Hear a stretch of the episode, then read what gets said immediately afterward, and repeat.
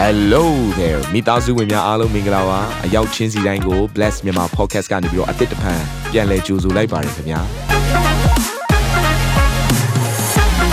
ဒီတစ်ပတ် Daily Devotion အစီအစဉ်ကတော့ယခင်ကဟောကြားခဲ့တဲ့နှုတ်ဘတ်တော်များထဲကနေပြီးတော့ highlight လောက်ဆောင်ပေးထားတာပဲဖြစ်ပါတယ်နာတော်တာစင်သူညီကောင်မောင်နှမများယနေ့နှုတ်ဘတ်တော်အားဖြင့်ဖွင့်ပြခြင်းအသစ်ရရှိပါမည်အကြောင်းကျွန်တော်ကနေပြီးဆုတောင်းလိုက်ပါတယ်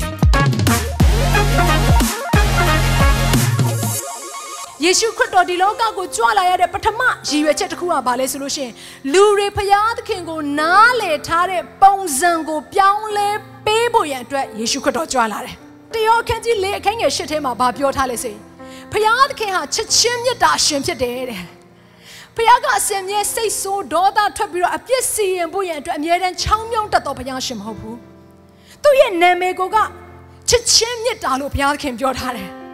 ဒါကြောင့်မလို့အဲ့ဒီချစ်ချင်းမြတ်တာတော့အရှင်ဖြစ်တဲ့ခမင်းတော်ဘုရားသခင်ရဲ့ချစ်ချင်းမြတ်တာကိုထုတ်ဖော်ပြသဖို့ရန်အတွက်ယေရှုခရစ်တော်ဟာဒီလောကထဲကိုကြွဆင်းလာရခြင်းဖြစ်တယ်။ဒီနေ့သင်ရဲ့အသက်တာထဲမှာဘလို့အခြေအနေတွေရှိလဲတော့ကျွန်မနားမလည်နိုင်ဘူးမသိနိုင်ဘူးဘလောက်အထိနော်သင်ရဲ့အသက်တာထဲမှာစိုးသွမ်းနေတယ်လေဘုရားရဲ့မြတ်တာတော်ကိုသင်အသက်တာထဲမှာဘလောက်ထိညှင်းဆန်နေတယ်လဲ နော်ကျွန်မမသိဘူးတချို့သောသူတွေကညင်းသောသူရှိတယ်တချို့သောသူတွေကဖခင်ရဲ့မြစ်တာနဲ့ပတ်သက်လာလို့ရှိရင်နားလည်မှုလွဲတဲ့သူတွေရှိကောင်းရှိပါလိမ့်မယ်ဒီနေ့ကျွန်မနားလည်စေချင်တဲ့ຢာတစ်ခုကဖခင်သခင်ဟာချစ်တတ်သောဖခင်ရှင်ဖြစ်တယ်အာမင်ချစ်ချင်းမြတ်တာကိုဖော်ပြတတ်သောဖခင်ရှင်လည်းဖြစ်တယ်ကျွန်တော်တို့လူတွေကသာချစ်ချင်းမြတ်တာကိုမဖော်ပြတတ်တာအဲ့ဒီကြီးမြတ်တဲ့ဖခင်သခင်မြတ်တာတော်ရှင်ကချစ်ချင်းမြတ်တာကိုဖော်ပြတတ်သောဖခင်ရှင်ဖြစ်တယ်တဲ့ဒါကြောင့်မလို့နှုတ်ကပတ်တော်ထဲမှာကြည်လိုက်တဲ့အခါမှာ ယောဟန်ခရစ်အခန်းကြီးတောင်းအခန်းငယ်16ကနေ19ထဲမှာဗာပြောထားလဲဆိုရင်ဘုရားကသူ့ရဲ့ချစ်ချင်းမြတ်တာကိုထုတ်ဖော်ပြသတဲ့အရာကိုပြောထားတယ်။ဘုရားသခင်၏သားတော်ကိုယုံကြည်သောသူအပေါင်းတို့သည်ပျက်စီးခြင်းသို့မရောက်။ထာဝရအသက်ကိုရစေခြင်းကဘုရားသခင်သည်မိမိ၌တပါးတည်းသောသားတော်ကိုစွန့်တော်မူသည့်တိုင်အောင်လောကီသားတွေကိုချစ်တယ်လို့နှုတ်ကပတ်တော်ထဲမှာဖော်ပြထားတယ်။သူ့ရဲ့တပါးတည်းသောသားတော်ကိုစွန့်တဲ့တိုင်အောင်ကျမတို့ကိုချစ်တယ်ဆိုတဲ့အရာကို ဖော်ပြပေးခဲ့တဲ့ဘုရားရှင်ဖြစ်တယ်။သူဟာချစ်ချင်းမြတ်တာရှင်ဖြစ်တယ်။တစ်ဖက်မှာလည်းချစ်ကြောင်းကိုဖော်ပြတတ်တဲ့ဘုရားရှင်ဖြစ်ပါတယ်။သင်ရဲ့တက်တာထဲမှာမြတ်တာငတ်နေတဲ့အချိန်တွေရှိပါလိမ့်မယ်။ဒီနေ့ဘုရားကပြောတယ်ငါချစ်ချင်းမြတ်တာရှင်ဖြစ်တယ်။သင်ရဲ့တက်တာထဲမှာရှိနေတဲ့လိုအပ်နေတဲ့ကွက်လက်အားလုံးကိုသူ့ရဲ့ချစ်ချင်းမြတ်တာနဲ့ဖြည့်ပေးနိုင်တဲ့ဘုရားဖြစ်တယ်လို့နှုတ်ကပတ်တော်ထဲမှာပြောထားတယ်။အာမင်။ဒါနဲ့မကသေးဘဲနဲ့ခမည်းတော်ဘုရားသခင်ကဘသူဖြစ်တယ်လဲဆိုတော့အခန်းငယ်၁၇ထဲမှာထပ်ပြီးတော့ပြောထားတယ်။ လောကီသားတို့အားအပြစ်စီရင်ခြင်းကဘုရားသခင်သည်သားတော်ကိုဤလောကသို့ဆေလွတ်တော်မူသည်မဟုတ်ဟာလေလုယာလောကီသားတို့သည်ကိုရောအားဖြင့်ကယ်တင်ခြင်းသို့ရောက်မည်အကြောင်းဆေလွတ်တော်မူ၏သင်နဲ့ကျွန်တော်ငရဲတဲ့ကနေလွတ်မြောက်ပြီးတော့ထာဝရအသက်ကိုရပြီးတော့ကယ်တင်ခြင်းရောက်ဖို့ရန်အတွက်ယေရှုခရစ်တော်ဖခင်ကိုဒီနေ့ခမည်းတော်ဖခင်ကဒီလောကကိုဆေလွတ်ပေးတယ်လို့ကျမ်းစာထဲမှာဖော်ပြထားတယ် ကျမမှာသားရှိတယ်သားတွေရှိတယ်သမီးလည်းရှိတယ်စိုးသွမ်းတဲ့သူတွေကိုကယ်ဖို့ရန်အတွက်ကျမရဲ့သားသမီးတွေကိုအသက်ပေးပြီးတော့စတေးရမယ်ဆိုရင်ကျမတော်တော်လေးကြောက်ရွံ့မိမှာပဲတိုးတော့ခမည်းတော်ဘုရားသခင်ကတော့ကျမတို့ကိုချစ်လုံးလို့သူ့မှာရှိတဲ့တပါးဒီသောသားတော်ကိုအသေးခံသည့်တိုင်အောင်ကျမတို့အတွက်ဆေလွတ်ပေးခဲ့တဲ့ဘုရားရှင်ဖြစ်တယ်တဲ့ဒါကြောင့်နားလေပါမိတ်ဆွေ ခမည်းတော်ဖရာသခင်ကအမြဲတမ်းကျမတို့ကိုအပြစ်ရှာနေတဲ့ဖရာမဟုတ်ဘူးအပြစ်တင်နေတဲ့ဖရာမဟုတ်ဘူးကျမတို့ကိုမခွင့်လွတ်နိုင်တဲ့ဖရာမဟုတ်ဘူးသူမခွင့်လွတ်နိုင်တဲ့အပြစ်ဆိုတာတစ်ခုမှမရှိဘူးမိတ်ဆွေဟာလေလုယာဒါကြောင့်မလို့သူ့ရဲ့မေတ္တာတော်ကိုဖော်ပြဖို့ရတဲ့သူသူ့ရဲ့တပါးဒီသောသားတော်ယေရှုခရစ်တော်ကိုသင်နဲ့ကျွန်တော်တို့ဒီလောကထဲမှာဆေလွတ်ခဲ့တယ်ဒါကြောင့်မလို့ဒီနေ့ဖရာလို့ပြောလိုက်တာ ਨੇ ဖရာကို interpret လုပ်တဲ့ပုံစံမမားစေချင်ဘူးဖရာဟာ ကြောက်မက်ဖွယ်ကောင်းပြီးတော့ကျမတို့ကိုအမြဲတမ်းစီရင်နေတဲ့စီရင်ခြင်းနဲ့ဖရားမဟုတ်ပါဘူးကျမတို့ကိုချစ်ပြီးတော့ကျမတို့ကိုထွေးပွေပြီးတော့ကျမတို့ကိုအမြဲတမ်းကယ်တင်ဖို့ရအတွက်ပြင်ဆင်နေတဲ့ဖရားရှင်ဖြစ်တယ်ထို့ဖရားရှင်နာမတော်ဒီကမအဆက်ဆက်ဘုန်းကျွေမင်္ဂလာရှိပါစေဟာလေလုယာနောက်ထပ်ယေရှုခရစ်တော်ဒီလောကကိုကြွလာတဲ့ဒုတိယယူရချက်ရှိတယ်အဲ့ဒါကသင်ရဲ့အပြစ်ကိုခွင့်လွတ်ဖို့ရန်အတွက်ဒီလောကကိုကြွလာတာဖြစ်တယ် ကျမတို့ရဲ့အသက်တာထဲမှာအပြစ်လို့ခေါ်တဲ့ချုံနှောင်ခြင်းတွေချီနှောင်ခြင်းတွေဒီထောင်ချောက်တွေထဲကနေလွတ်မြောက်နိုင်ဖို့အတွက်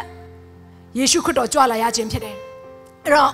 ကျမတို့နှုတ်ကပတ်တော်ထဲမှာကြည်လိုက်တဲ့အခါမှာအရှင်ခရစ်ခန်းကြီးရှစ်မှာတွေ့ရတယ်အမျိုးသမီးတစ်ယောက်ရှိတယ်သူကအိမ်အောင်ကြပြီးမှဖောက်ပြန်တာမာယွင်းခြင်းမှုကိုပြုတာဆိုတော့တနေ့ကျတော့ယေရှုခရစ်တော်ကဗိမာန်တော်ထဲကိုဝင်ပြီးတော့နှုတ်ကပတ်တော်ကိုသင်ကြားပေးနေတယ်အဲ့လိုသင်ကြားပေးနေတဲ့အချိန်မှာ ဖြစ်ချင်တော့ပါရီရှဲဇက်တူကဲတွေအားလုံးကကျန်တဲ့ပုံကိုယ်တွေအားလုံးကရောက်လာပြီးတော့အခုနဖောက်ပြန်နေတဲ့အမျိုးသမီးကိုသူတို့ကပပင်းတိုးပြီးမြင်လာပြီးတော့ယေရှုထံကိုဆွဲခေါ်လာတာဒါနဲ့ပြောတယ်ပါရီရှဲတွေကလည်းကိုရောမောရှေရဲ့ပြညတ်အတိုင်းဆိုရင်တော့ဒီအမျိုးသမီးကိုကြောက်ခဲနဲ့ပြစ်တက်လို့ရတယ်။ဘာဖြစ်လို့လဲဆိုတော့ဒီအမျိုးသမီးကလင်ကိုဖောက်ပြန်ပြီးတော့မှားယွင်းတဲ့အမှုကိုပြုတ်နေတဲ့အတွက်ကြောင့်မလို့ဒီအမျိုးသမီးကိုစီရင်ပိုင်ခွင့်ရှိတယ်လို့ပြောတဲ့အခါမှာ ယေရှုကိုအထက်ထက်ခါခါမေးကြတယ်။စီရင်မလားမစီရင်လား။နော်ကိုရောဘယ်လိုလုပ်မှာလဲစသဖြင့်မေးခွန်းမြောက်များဆိုတော့မေးလာတဲ့အခါမှာယေရှုခရစ်တော်ကတခုံးမှပြန်မပြောဘူး။ဒါပေမဲ့နောက်ဆုံးအချိန်မှာယေရှုခရစ်တော်ပြန်ပြောလိုက်တဲ့အရာကသင်တို့ထဲမှာကိုအပြစ်မရှိဘူးလို့ထင်တဲ့သူကတော့ကြောက်ခဲနဲ့ပြစ်တက်နိုင်ပါတယ်။ဒါနဲ့တရားချင်းစတိုင်းကသူတို့ရဲ့စိတ်နှလုံးထဲမှာငါဟာအပြစ်ရှိတော်သူဖြစ်တယ်။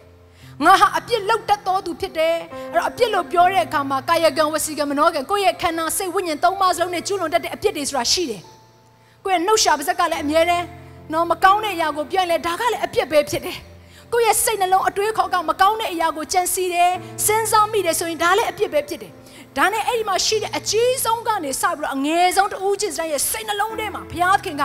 ဖွင့်ပြတဲ့အခါမှာသူတို့အပြစ်ကိုမြင်ပြီးတော့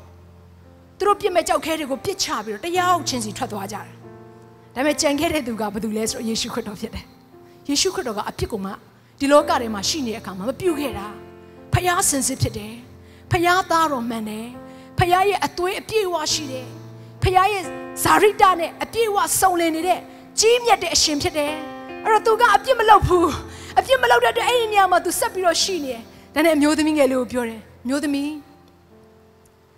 တင်းရဲ့အပြစ်ကိုငါလည်းမစီရင်ဘူး။ဒါကြောင့်မလို့ခုနကျွန်တော်တို့နှုတ်ကပတ်တော်ထဲမှာဖတ်ခဲ့တယ်မလား။ခမည်းတော်ဘုရားသခင်ကသားတော်ယေရှုခရစ်တော်ဘုရားသခင်ကိုဒီလောကကိုဆေလွတ်တဲ့အကြောင်းအရာကကျမတို့ကိုစီရင်ဖို့ရန်အတွက်လာတာမဟုတ်ဘူး။ကျမတို့ကိုကယ်တင်ခြင်းရောက်ဖို့ရန်အတွက်လာတာဖြစ်တယ်လို့ပြောခဲ့တယ်။ဒါကြောင့်မလို့ဒီအမျိုးသမီးရဲ့အပြစ်ကိုမစီရင်ဘူးငါသမီးနောက်တစ်ဖန်ဒုစရိုက်ကိုမပြုနဲ့။သွားလော့။ဟာလေလုယာ။အဲ့တော့ယေရှုခရစ်တော်ကဘာဆက်ပြောလဲဆိုတော့ ငါနောက်ကိုလိုက်တဲ့သူဟာတဲ့မှောင်မိုက်ထဲမှာမကျင်လေဘူးတဲ့အာမင်အဲ့ဆိုလိုတဲ့အရာကဒီမျိုးသမီးရဲ့အသက်တာထဲမှာလေသူ့ရဲ့ဖြစ်ပျက်နေတဲ့အခုလက်ရှိလှုပ်ဆောင်နေတဲ့အပြစ်တွေညဉ့်ညူးခြင်းတွေထဲကနေပြီးတော့ယေရှုခရစ်တော်ကကယ်တင်ဖို့ရန်အတွက်သူ့ရဲ့အပြစ်တွေအားလုံးကိုခွင့်လွှတ်လိုက်တယ်ဒါကြောင့်ကျွန်မပြောတယ်မဟုတ်ဘူးလားခမည်းတော်ဘုရားခင်ချက်ချင်းမြတ်တာအရှင်ဖြစ်တယ် သားတော်ယေရှုခရစ်တော်ကိုကျွန်တော်တို့ကြည့်လိုက်တာနဲ့ခမည်းတော်ဘုရားဘသူဖြစ်တယ်လဲဆိုတာကိုသိနိုင်တယ်လို့နှုတ်ကပတ်တော်ထဲမှာဖော်ပြထားတယ်။ဒါကြောင့်ယေရှုခရစ်တော်ကခမည်းတော်ဘုရားသခင်မြတ်တာတော်ကိုဖော်ပြဖို့ရန်အတွက်အဲ့ဒီအနိုင်မဲ့တဲ့မြတ်တာတော်ကိုနားလေစေနိုင်ဖို့ရန်အတွက်ဒီအမျိုးသမီးအသက်တာထဲမှာသူလုပ်တဲ့အရာကငါသမီးတင့်ကိုလည်းငါမစီရင်ဘူး။တင်းရဲ့အပြစ်ကိုငါခွင့်လွှတ်တယ်။ဟာလေလုယာ။သွားတော့နောက်တစ်ဖန်ဒူးဆက်ကိုမပြုနဲ့။ဘုရားသခင်ဟာကျမတို့ရဲ့အတိတ်အပြစ်တွေကိုခွင့်လွှတ်တယ်။ ကျမတို့ရဲ့အခုလက်ရှိအခြေအနေမှာရည်ရွယ်ချက်ရှိတဲ့အသက်တာနဲ့အသက်ရှင်နိုင်ဖို့ရန်အတွက်ရည်ရွယ်ချက်ကိုပေးတော်ဘုရားရှင်ဖြစ်တယ်။နောင်လာမယ့်အနာဂတ်မှာလည်းသူ့ရဲ့အကြံစီတော်ထဲမှာအသက်ရှင်နိုင်ဖို့ရန်အတွက်လမ်းပြတော်အရှင်ဖြစ်တယ်။ဒီနေ့မိတ်ဆွေတည့်ရဲ့အသက်တာထဲမှာဘလို့အခြေအနေပဲရှိနေပါစေ။ယေရှုဘုရားတင့်ကိုလက်ခံတယ်။သင်လိုနေတဲ့အရာကဒီလောကရဲ့မြတ်တာမဟုတ်ဘူး။သင်လိုအပ်နေတဲ့အရာကဒီလောကထဲမှာရှိနေတဲ့ လူတွေထံကနေလာမဲ့အကျိုးမြတ်တစ်ခုခုမဟုတ်ဘူး။သင်တကယ်လိုအပ်နေတဲ့သင်နှလုံးသားတွေကဟာခွက်ကယေရှုခရစ်တော်ဖခင်ပဲဖြစ်တယ်။ယေရှုခရစ်တော်ဖခင်သခင်ကပဲသင်ရဲ့အသက်တာကိုပြောင်းလဲပေးနိုင်တယ်။နာတော်တာစင်သူတိုင်းရဲ့အသက်တာမှာကောင်းကြီးဖြစ်မယ်ဆိုတာကိုကျွန်တော်ယုံကြည်ပါတယ်။ သင်ရဲ့အသက်တာအတွက်များစွာသော resource တွေနဲ့ update တွေကို Facebook နဲ့ YouTube platform တွေမှာလည်းကျွန်တော်တို့ပြင်ဆင်ထားပါတယ်။ Facebook နဲ့ YouTube တွေမှာဆိုရင် search box ထဲမှာစုစွမ်းနာမင်းလို့ရိုက်ထည့်လိုက်တဲ့အခါအပြအယောင်အမှန်ချစ်ထားတဲ့ Facebook page နဲ့ YouTube channel ကိုတွေ့ရှိမှာဖြစ်ပါတယ်။နှုတ်ကပတ်တော်တွေကိုဗီဒီယိုအားဖြင့်လည်းခွန်အားယူနိုင်ဖို့ရန်အတွက်အစဉ်သစ်ပြင်ဆင်ထားပါတယ်။ကျွန်တော်တို့ဝိညာဉ်ရေးရာအတွက်အထူးလိုအပ်တဲ့ဖွင့်ပြခြင်းတွေနဲ့ခွန်အားတွေကိုရယူလိုက်ပါ။နောက်ရက်များမှာပြန်ဆုံတွေ့ကြရအောင်ခင်ဗျာအားလုံးကို No.